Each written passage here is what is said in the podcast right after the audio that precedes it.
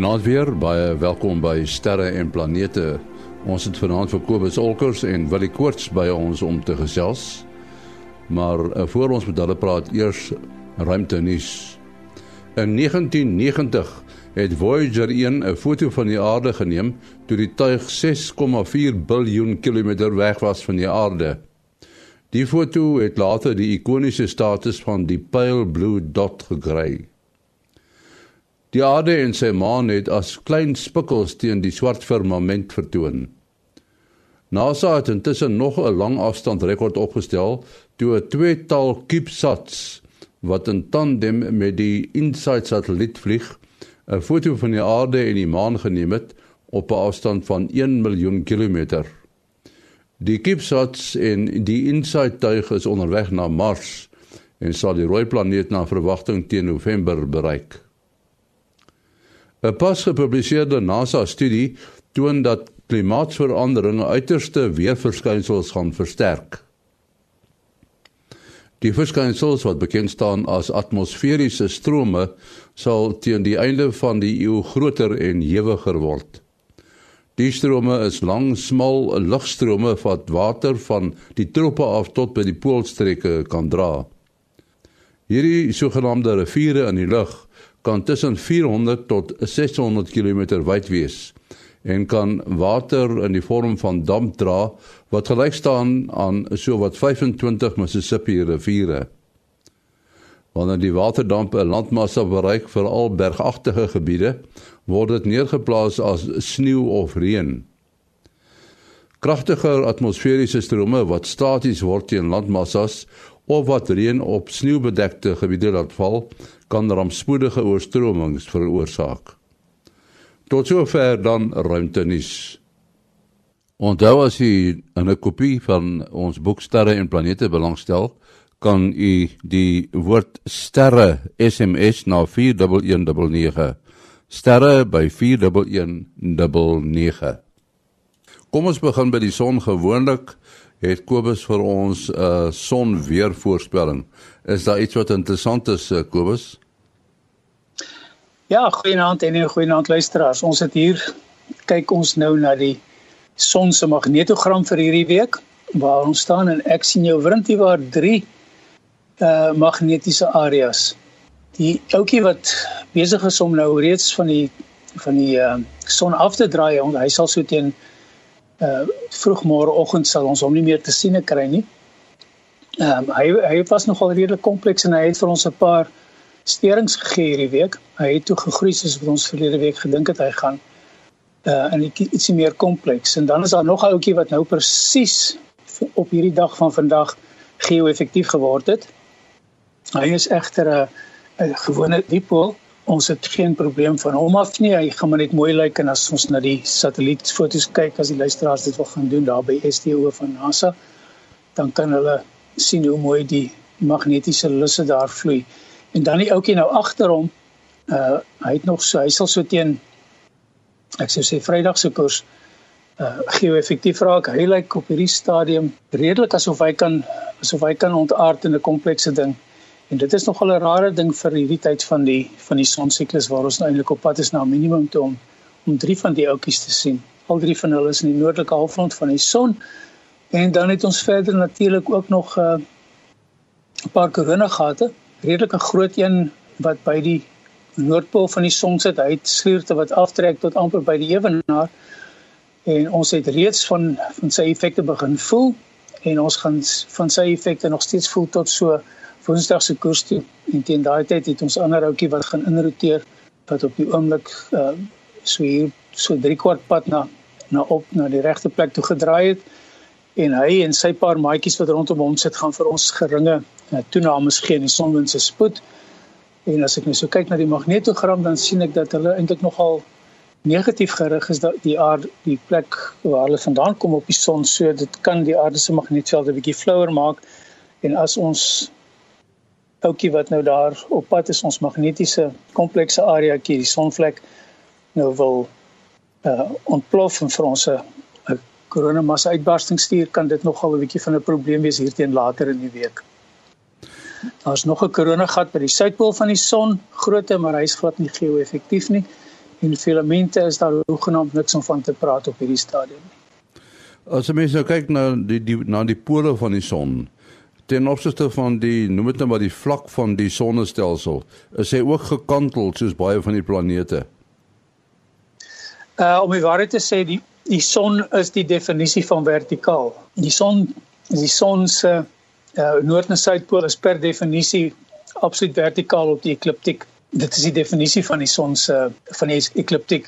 Uh, wat noem julle dit spesifiek wel? Is dit ekliptiek?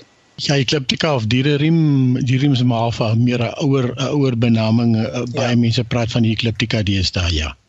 Maar nou ja, die ekliptika is, is per definisie verbind aan die aan die uh die son se se ewenaar en natuurlik dan en die sê die die son en die die son se noord en suidpole is ehm uh, is vertikaal daarop. Ehm um, hy sy rotasie uh sy rotasie uh, rigting, sy rotasie vlak is uh is presies gelyk met die met die ekliptika en die twee pole is presies vertikaal daarop gerig. Nou heeltemal iets anders. Uh, wil jy julle nog 'n groot gebeurtenis beleef uh, was dit Vrydag laasweek? Dis korrek. Vir laas Vrydag was daar 'n uh, hele offisiële amptelike openingsseremonie.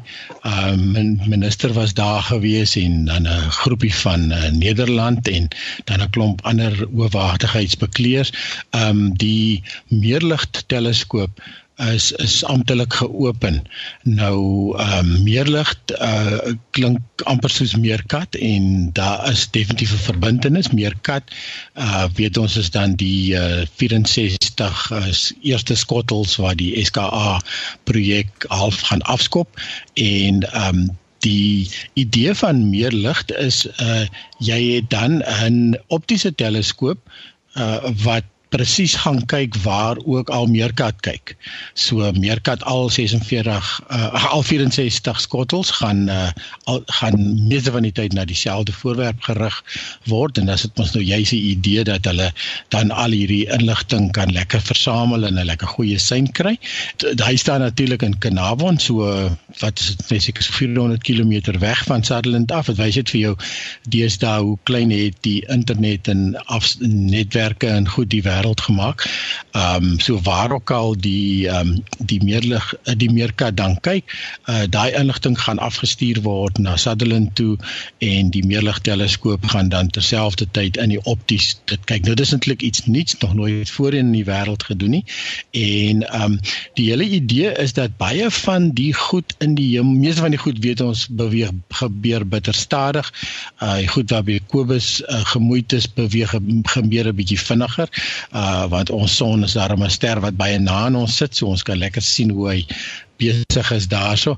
Maar meeste van die tyd maak dit nou nie regtig saak of jy nou vir jaar of môre of uh volgende jaar na 'n spesifieke voorwerp kyk nie, daar gaan nie veel verander nie, maar uh deesdae is daar sogenaamde transient events. So dit is dan uh gebeurtenisse wat baie vinnig gebeur. Um onder andere byvoorbeeld uh ons het nou al ge gehoor van um hierdie gravitasiegolwe en dis natuurlik nou 'n baie vinnige gebeurtenis wat twee gravitasiekolke, twee black holes saamsmelt en um, en dan hierdie golwe afgee ensovoorts. So in en dan is daar ook uh, van die goed wat in die radiogolwe gebeur. Uh, hulle praat van gamma ray uitbarstings, um sterre wat is skielik uh, um 'n klomp energie uitstraal uh, wat jy dan gewoonlik met radioteleskope optel, maar die probleem is daar's dan gewoonlik nooit 'n uh, optiese ekwivalent ekwivalent nie teen die tyd dat die teleskope op aarde die boodskap gekry het hoe gaan kyk gou-gou vinnig daarso en daar is teleskope wat natuurlik op ingerig is daarvoor om baie vinnig te reageer op op sulke uh, alerts soos hulle noem uh da, maar dan is dit gewoonlik half te laat so die een van die idees gaan dan wees dat meerlig gaan dit presies doen.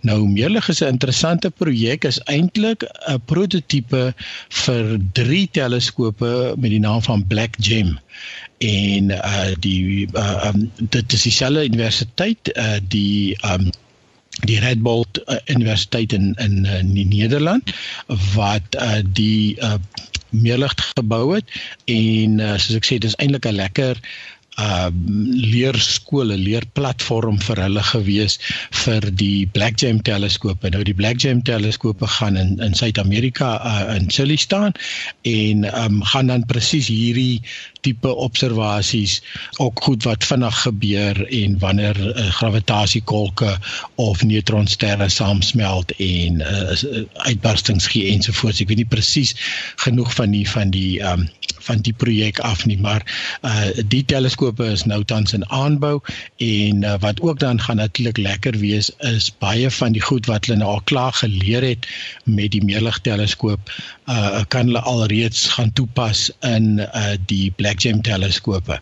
Nou iets wat meerlig besonder maak is meerlig het tans die grootste CCD kamera in die wêreld uh is 'n 100 megapixel uh um, en en uh, daar's nog nie so uh, ander groot wetenskapkamera soos soos wat tans op op meerlig is nie. Uh toevallig het die kamera wat ons besig is om te bou vir ons ander Lesedi teleskoop waar ons al gepraat het, uh silikon is dieselfde grootte. So dis ook 'n dis is oor 'n 90 mm by 90 mm stuk silikon. Dit is nou so groot soos sy film kan maar wees kan jy maar sê soos in die ou tyd. En ehm um, en maar ons pixels is is groter so ons sinne is net 36 uh megapixel waar hierdie is is 100 megapixel. Interessant wil die ehm um, die die eerste vraag wat opkom gaan hy nou permanent geslaaf wees aan die meerkat aktiwiteit. Dit dit is teoreties so ja. Ehm um, en hulle gaan dit dis natuurlik nou 'n robotiese teleskoop, so die teleskoop uh kan wel ehm um, van af die internet van enige plek kan hierdie noem dit nou maar slawing wat jy nou van gepraat het wat ja. die twee koppel kan jy uh, aan en afskakel en ehm um, dit klink vir my daar is selfs ehm um, in die in die stiltye en ek weet nie presies of daar sulke tye gaan wees nie en selfs nou in die uh dit klink my meerkat is nog nie heeltemal gereed daarvoor nie. Is daar al klaar uh, wetenskaplikes wat wat die teleskoop gaan gebruik vir ander navorsing. So uh, teleskope is altyd ehm um, is altyd as dit beskikbaar is, is daar altyd iemand wat belangstel in uh, om om dit te gebruik, ja. Goed en dan nog 'n vraag is uh wat is die die uh die straalwyte van van die teleskoop? Hoe groot hoeveel grade onderspan hy met sy met sy oog? Ja, dit is iets wat ek juist vergeet het, so dis goed jy vra. Uh, uh meeste van die teleskope uh, op ons kop is maar het maar baie klein veld en dit is nogal 'n verskil met meerlig uh die ek weet is meer as 2.5 grade 2.7 of 2.8 grade wat eintlik besonder groot is en um dit gaan natuurlik omdat 'n radioteleskoop 'n redelike wye veld het en dit is seker hoekom jy gevra het nê ja. um is 'n optiese teleskoop gewoonlik baie meer ingezoom kan jy amper sê. Precies. So in die geval het hulle hom spesifiek gekies met 'n met 'n lekker wye wye veld. Ja. Nee, ek wou net nog 'n opmerking gemaak het. Dit is jy gaan waarskynlik so teen volgende Junie maand gaan jy daai selfde sensor in jou selfoon hê ja, ja, hy gaan net 'n bietjie goedkoper wees. Ek dink daai sensor gaan jou so 5 miljoen of rand of so uit die sak uit jag. So jou selfoon se prys gaan nogal 'n bietjie opgaan, nê. Nee. Ja, as jy sê dit. Eh, son siklusse uh, staan op die internet dat son siklus nommer 24 die het op die 8de Mei geëindig. En hulle sê ook hierso die uh, kant van die son wat na die aarde toe wys was vir 73 uit die 128 dae vlekloos. Daar was nie sonvlekke nie. En hulle ja. beskou dit is uh, is abnormaal. Is dit abnormaal? Hoegenaamd nie. Hoegenaamd nie. Uh, dit gebeur elke 11 jaar as die son na sy minimum toe gaan. Dan uh, kry ons hierdie hierdie vlekvrye uh periodes. En dit is natuurlik dan wanneer die son is per definisie die son minimum. Ehm um, jou magnetiese aktiwiteit, jou komplekse magnetiese aktiwiteit op die oppervlak van die son, eintlik net onder die oppervlak van die son, maar ons sien nou die die die oppervlak verduistering kan mens sê deur die magnetiese aktiwiteit sien ons as sonvlekke.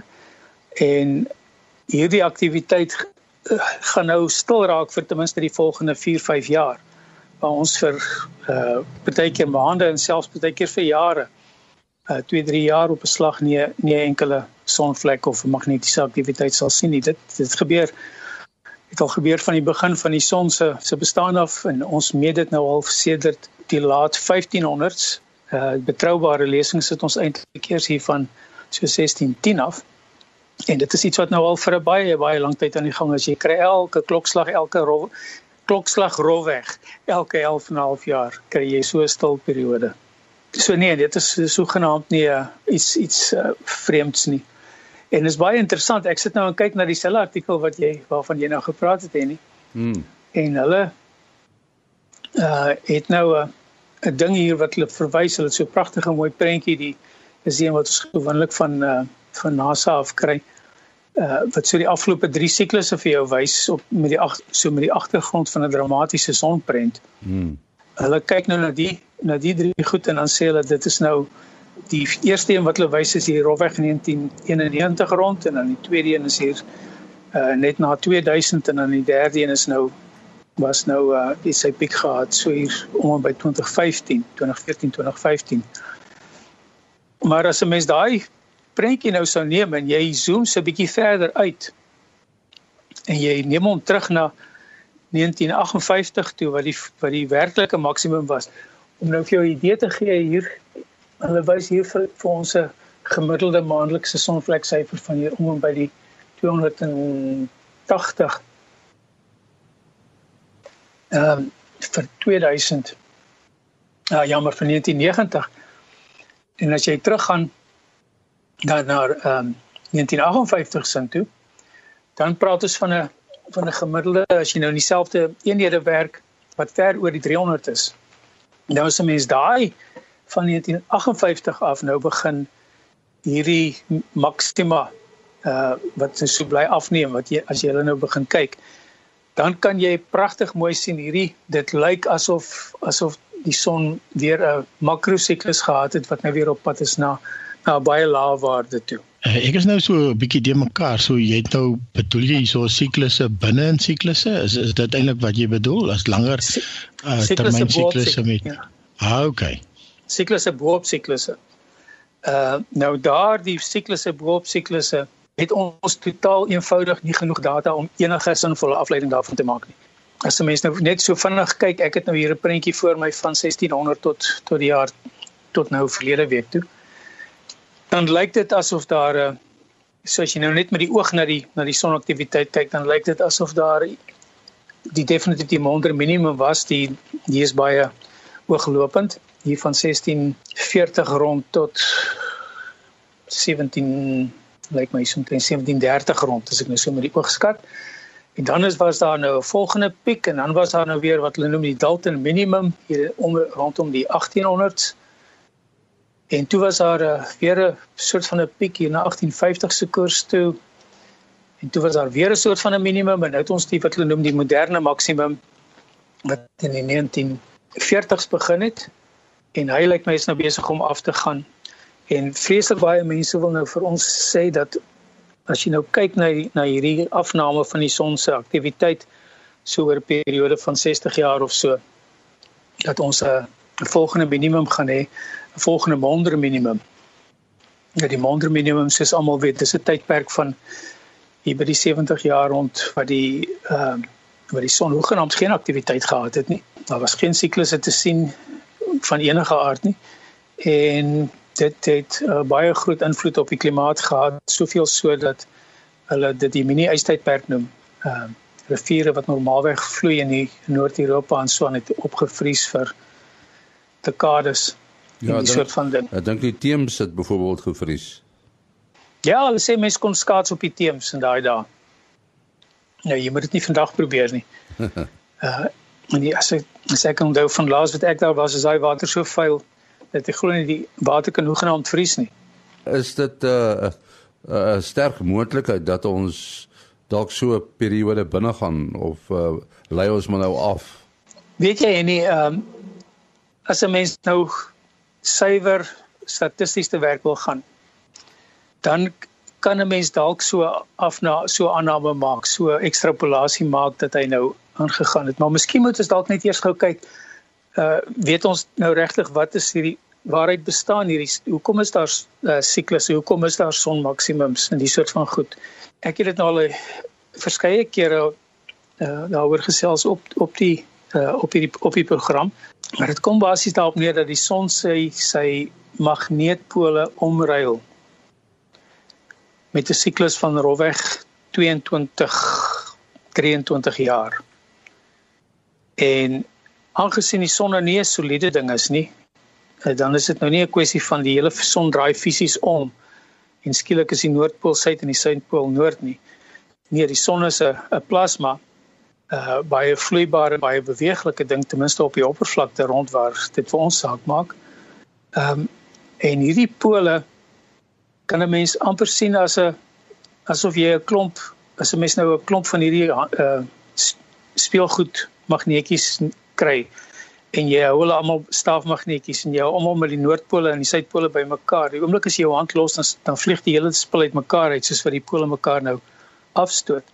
En dit is fisies wat hoe mense dit kan probeer verduidelik wat by die noord en die suidpole gebeur. Daar's 'n klomp noordpole in aanhalingstekens uh wat bymekaar geforseer word om vir jou 'n netto noordpool te gee aan die bokant en netto suidpool aan die onderkant. Maar omdat die son nie 'n soliede ding is nie, kan daai noordpole weer nou weer weggedruk word van mekaar af en hulle beweeg dan nou weer af, so al met die son langs. Uh noordpole gaan suid, suidpole gaan noord en na uh 'n periode van omtrent 11 en 'n half jaar dan kom hulle almal by die by die ewenaar bymekaar en daar kry die kom die noordpole en die suidpole bymekaar verby.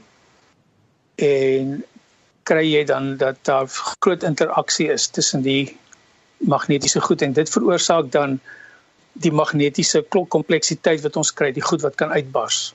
Jy forceer daar 'n noord en 'n suidpool bymekaar, hulle hou nie daarvan nie. En ehm um, daar kom wie kom as jy stryery tussen die twee, daar word 'n groot magneetveld opgestel, die plasma hardloop van die een af na die ander een toe met 'n pragtige mooi boog. Maar die energie in die veld is heeltemal te veel om om stabiel te bly en dan breek hy af. En dan met 'n uh, magnetiese ontkoppeling kry ons dan hierdie groot massiewe goed wat miljoene uh, kilotonne van van van ekwivalente ontploffings is wat dan losbreek en dan na die aarde toe kom. En daarna wanneer hulle nou by mekaar verby is, kan jy maar sê dan is die lot nou weer op die noordpool en op pad na die suidpool se posisie toe en die suidpool is op pad na die noordpool se posisie toe. En dit neem nog 'n nog 'n 11 jaar uh voor voor ons voor hulle dan weer by mekaar uitkom nou van die ander kant af om vir jou uh, onstabiliteit te gee. Dit is nou kort om die siklusse en ek uh enige iemand enige fisikus uh sonfisikus sal weet dat ons nou net hier 'n metafoor gebruik het dat die die werklike fisika onder die oppervlakte van die son is baie meer kompleks as wat ons nou gesê het, maar ek glo nie ons luisteraars stel daaraan belang nie. So met ander woorde ons het nou sonvlek die manier wat ons nou hierdie hierdie aktiwiteit meet van die ou dae is om te tel hoe groot die sonvlek areas was want jy sien dit as 'n swart kol op die son. En jy het 'n algoritme wat vir jou wat wat ook die oppervlakte totaal totale oppervlakte van hierdie donker areas inneem en dit en daaruit kry jy die ding wat ons so baie gebruik die sogenaamde sonvlek nommer sonvlek syfer.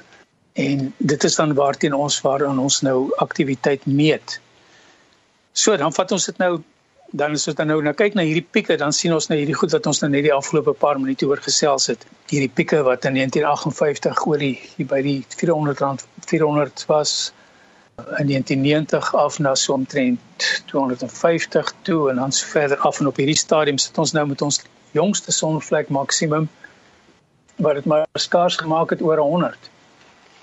Die gemiddeld is uh die jaarlikse die, die vergladde gemiddeld is maar net net oor 100.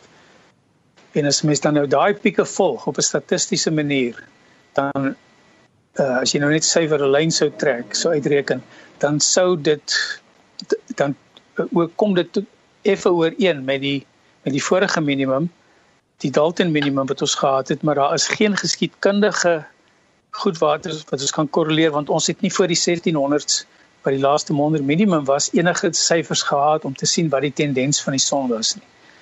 So 'n lang baie lang antwoord om jou te antwoord uh, is basies enige iemand se raaiskoot is goed. Ons weet dat die son 'n komplekse 'n uiters komplekse stelsel is en ons maak gebruik van kompleksiteit teorie om dit uit te reken.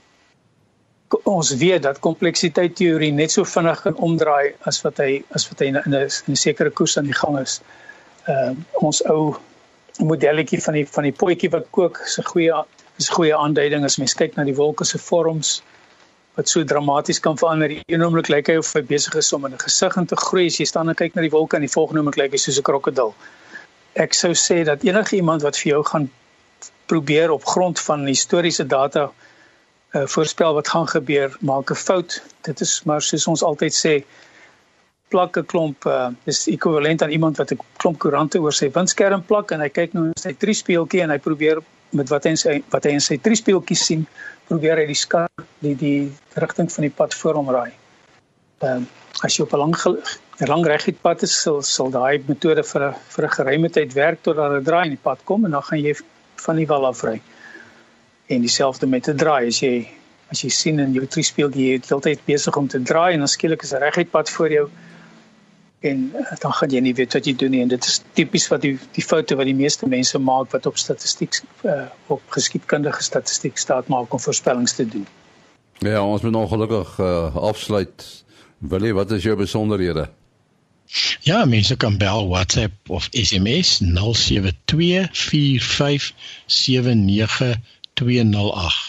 0724579208. En Kobus? Ja, dit is nog pas steeds die ou kobusolkers by gmail.com. K O B S O L C K E R S by gmail.com.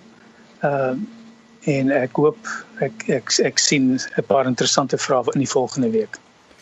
En my besonderhede is uh, maas.henny@gmail.com. maas.henny@gmail.com. Ons is volgende week terug. Tot dan, mooi loop.